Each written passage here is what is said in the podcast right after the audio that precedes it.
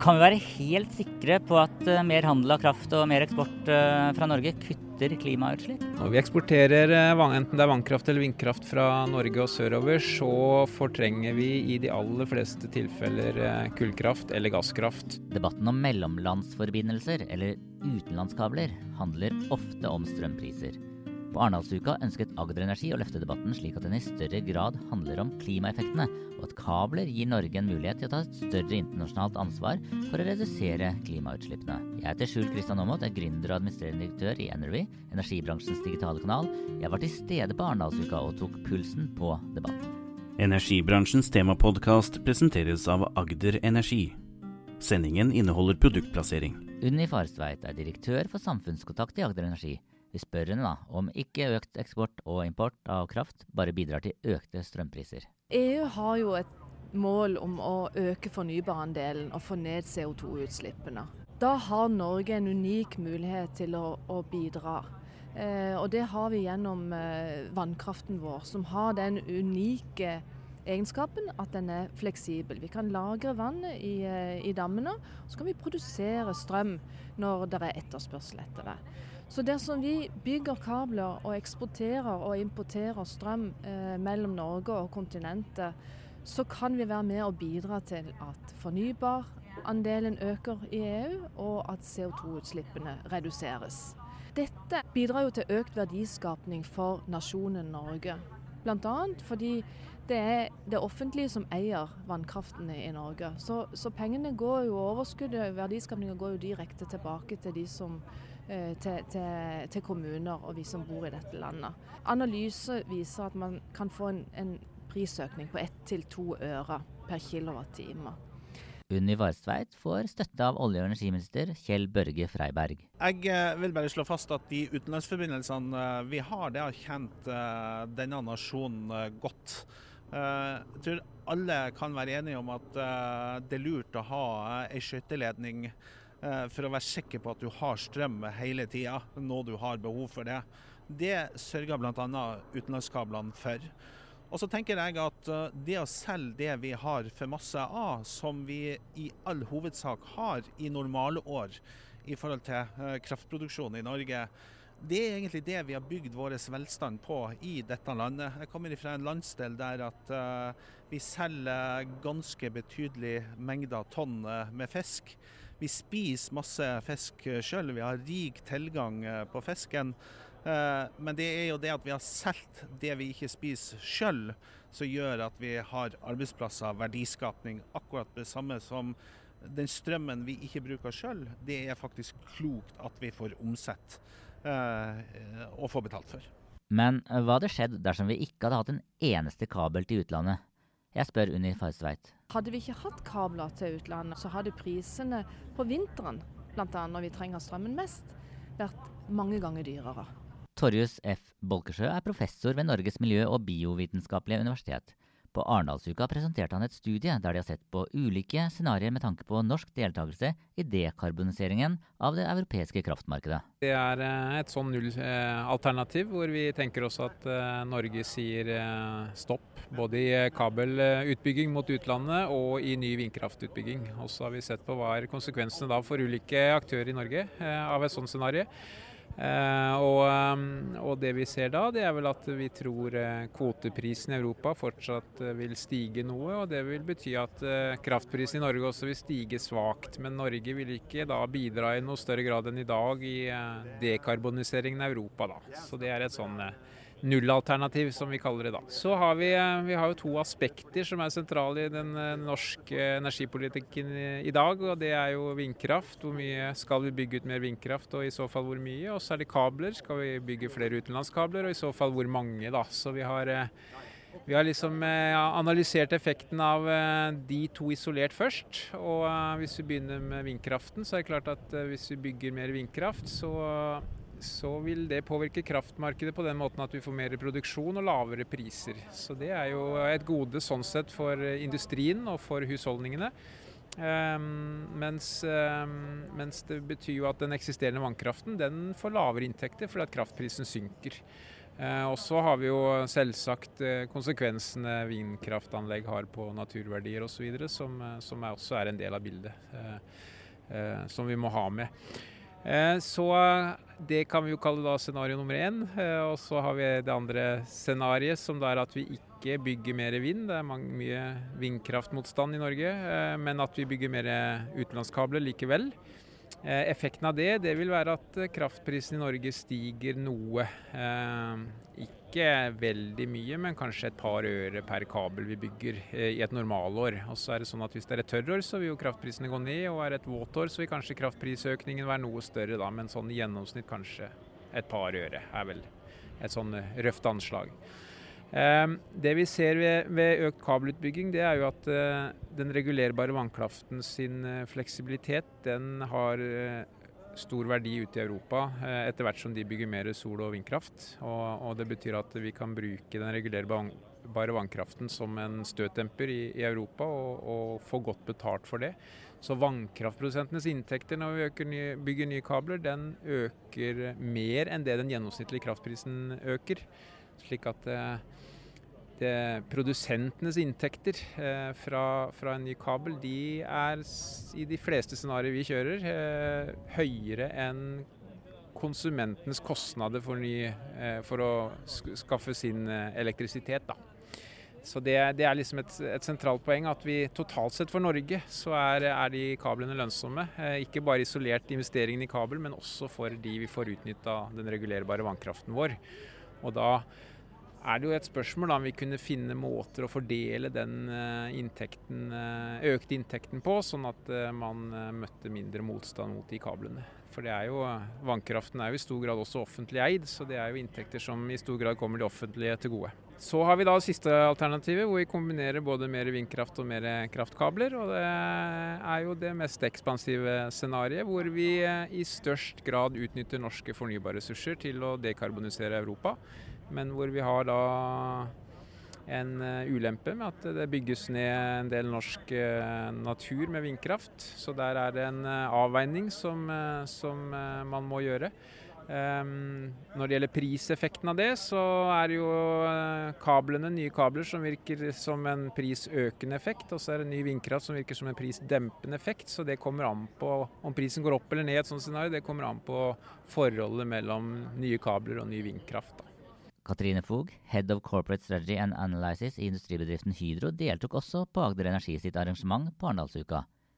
I paneldebatten diskuterte de bl.a. hvilke konsekvenser flere mellomlandsforbindelser vil ha for norsk industri. Det vi vil være bekymret for, er jo en eh, fullstendig stopp i utviklingen av norske kraftressurser, mens man da ville dra opp betydelig eh, kapasiteten i at vi går fra utvikling til ren eksport, det vil selvfølgelig være, eh, på, på sikt være eh, kompliserende for vår og negativt for vår utvikling.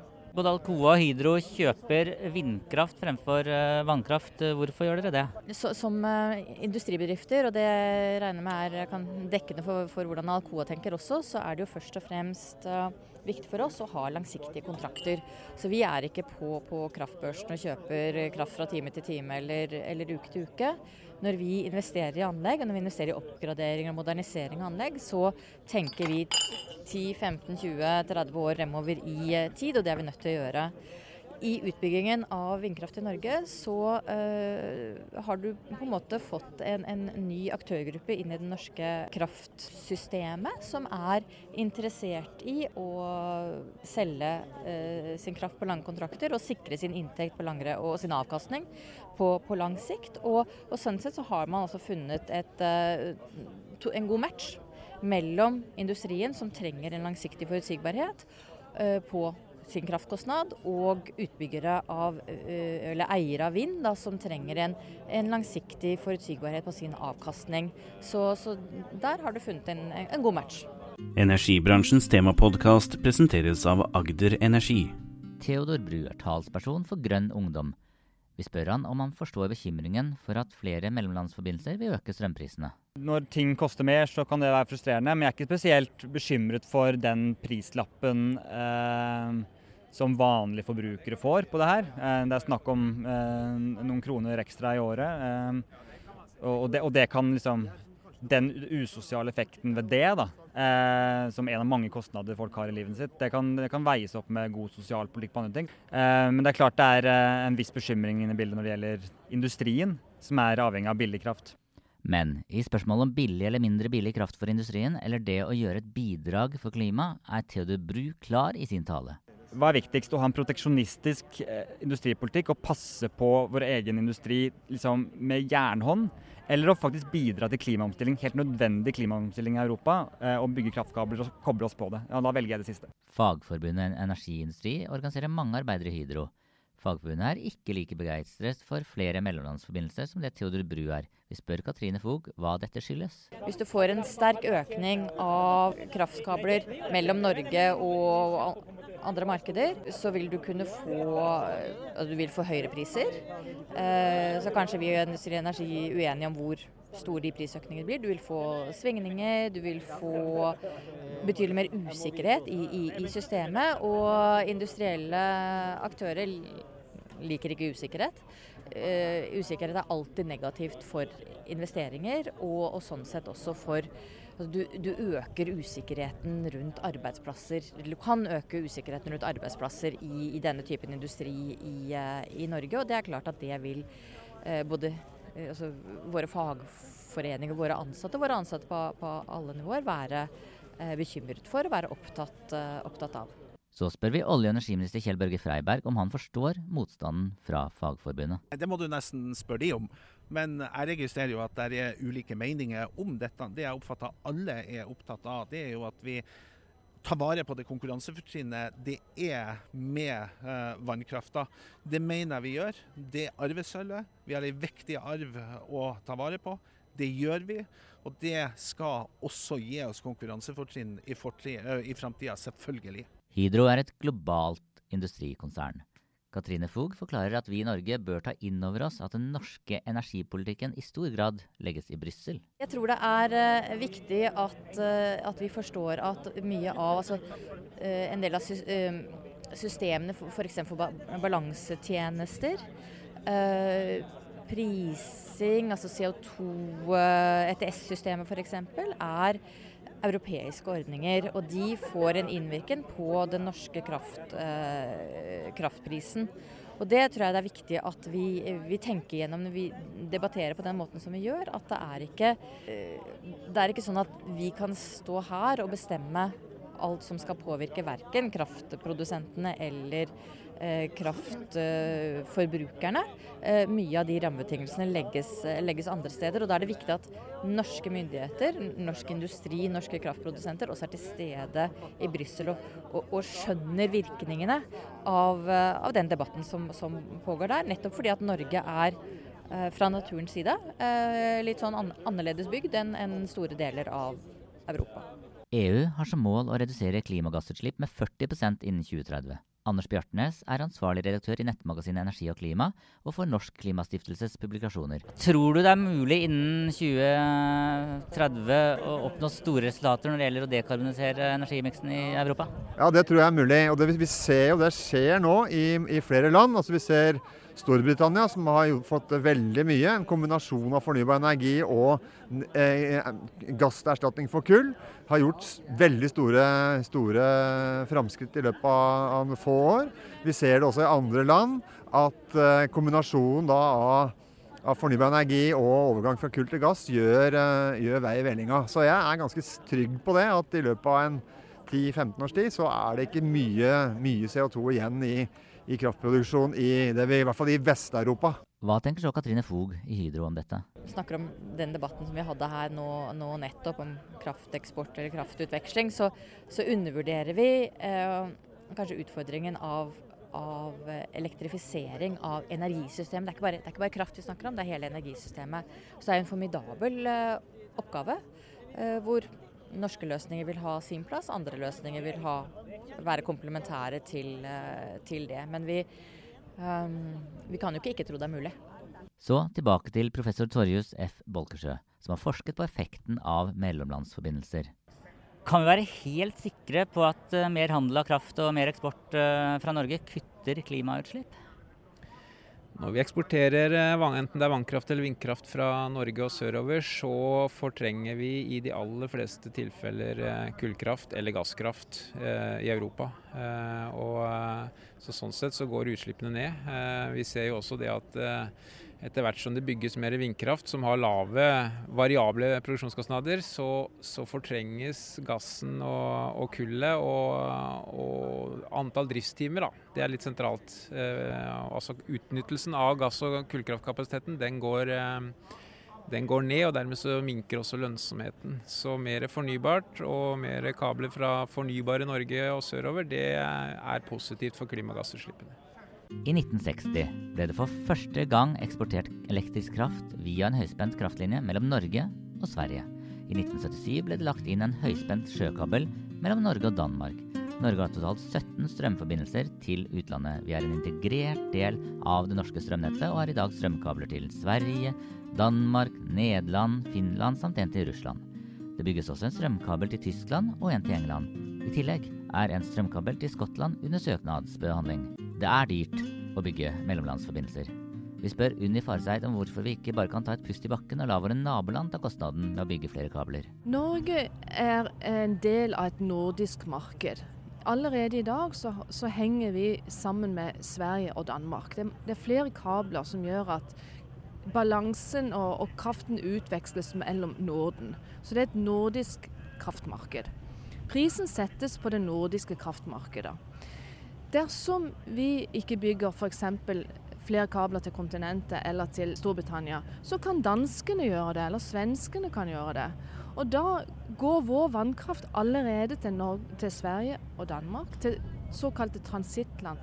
Og så er det jo de som sitter igjen med verdiskapninga på den norske vannkraften, som jo er fleksibel. For når vinden ikke blåser i Danmark, så kan de importere norsk vannkraft og selge den videre til enten Storbritannia, som de har tenkt å gjøre, eller til kontinentet for øvrig. Nå har vi pratet mye om import og eksport av strøm. La oss avslutte med å se litt på hva som skjer her hjemme i Norge. Bransjeorganisasjonen Energi Norge har som mål at Norge skal bli verdens første fornybare og fullelektriske samfunn. Hvordan ligger Kristiansand an i dette grønne kappløpet? Eh, Kristiansand kommune har eh, vi kartlagt har nærmere 70% elektrifiseringsgrad, og resten av landet har 47% Så det er et stykke igjen. Men, eh, og vi vet jo at det er hovedsakelig transportsektoren som må elektrifiseres. Men transportsektoren er jo så mangt. Vi har jo begynt, kommet godt i gang på personbilsiden, men vi må i gang med varebil. Vi må fortsette på ferjetrafikk, og ikke minst på flytrafikk. Så, så der er det et stort potensial. Men jeg vil òg trekke frem at det er jo en, en unik mulighet for Norge. Å, utvikle ny teknologi som gjør at vi kan eh, ikke bare importere elbiler som vi tar i bruk, men kanskje vi kan komme opp med en ny industri eh, og, og ny verdiskapning. Nye spennende arbeidsplasser eh, i, i, Norge. Fylkeskommunene på Agder har en ambisjon om at vi skal være den første fullelektriske regionen i verden. Og at vi skal bli et utstillingsvindu.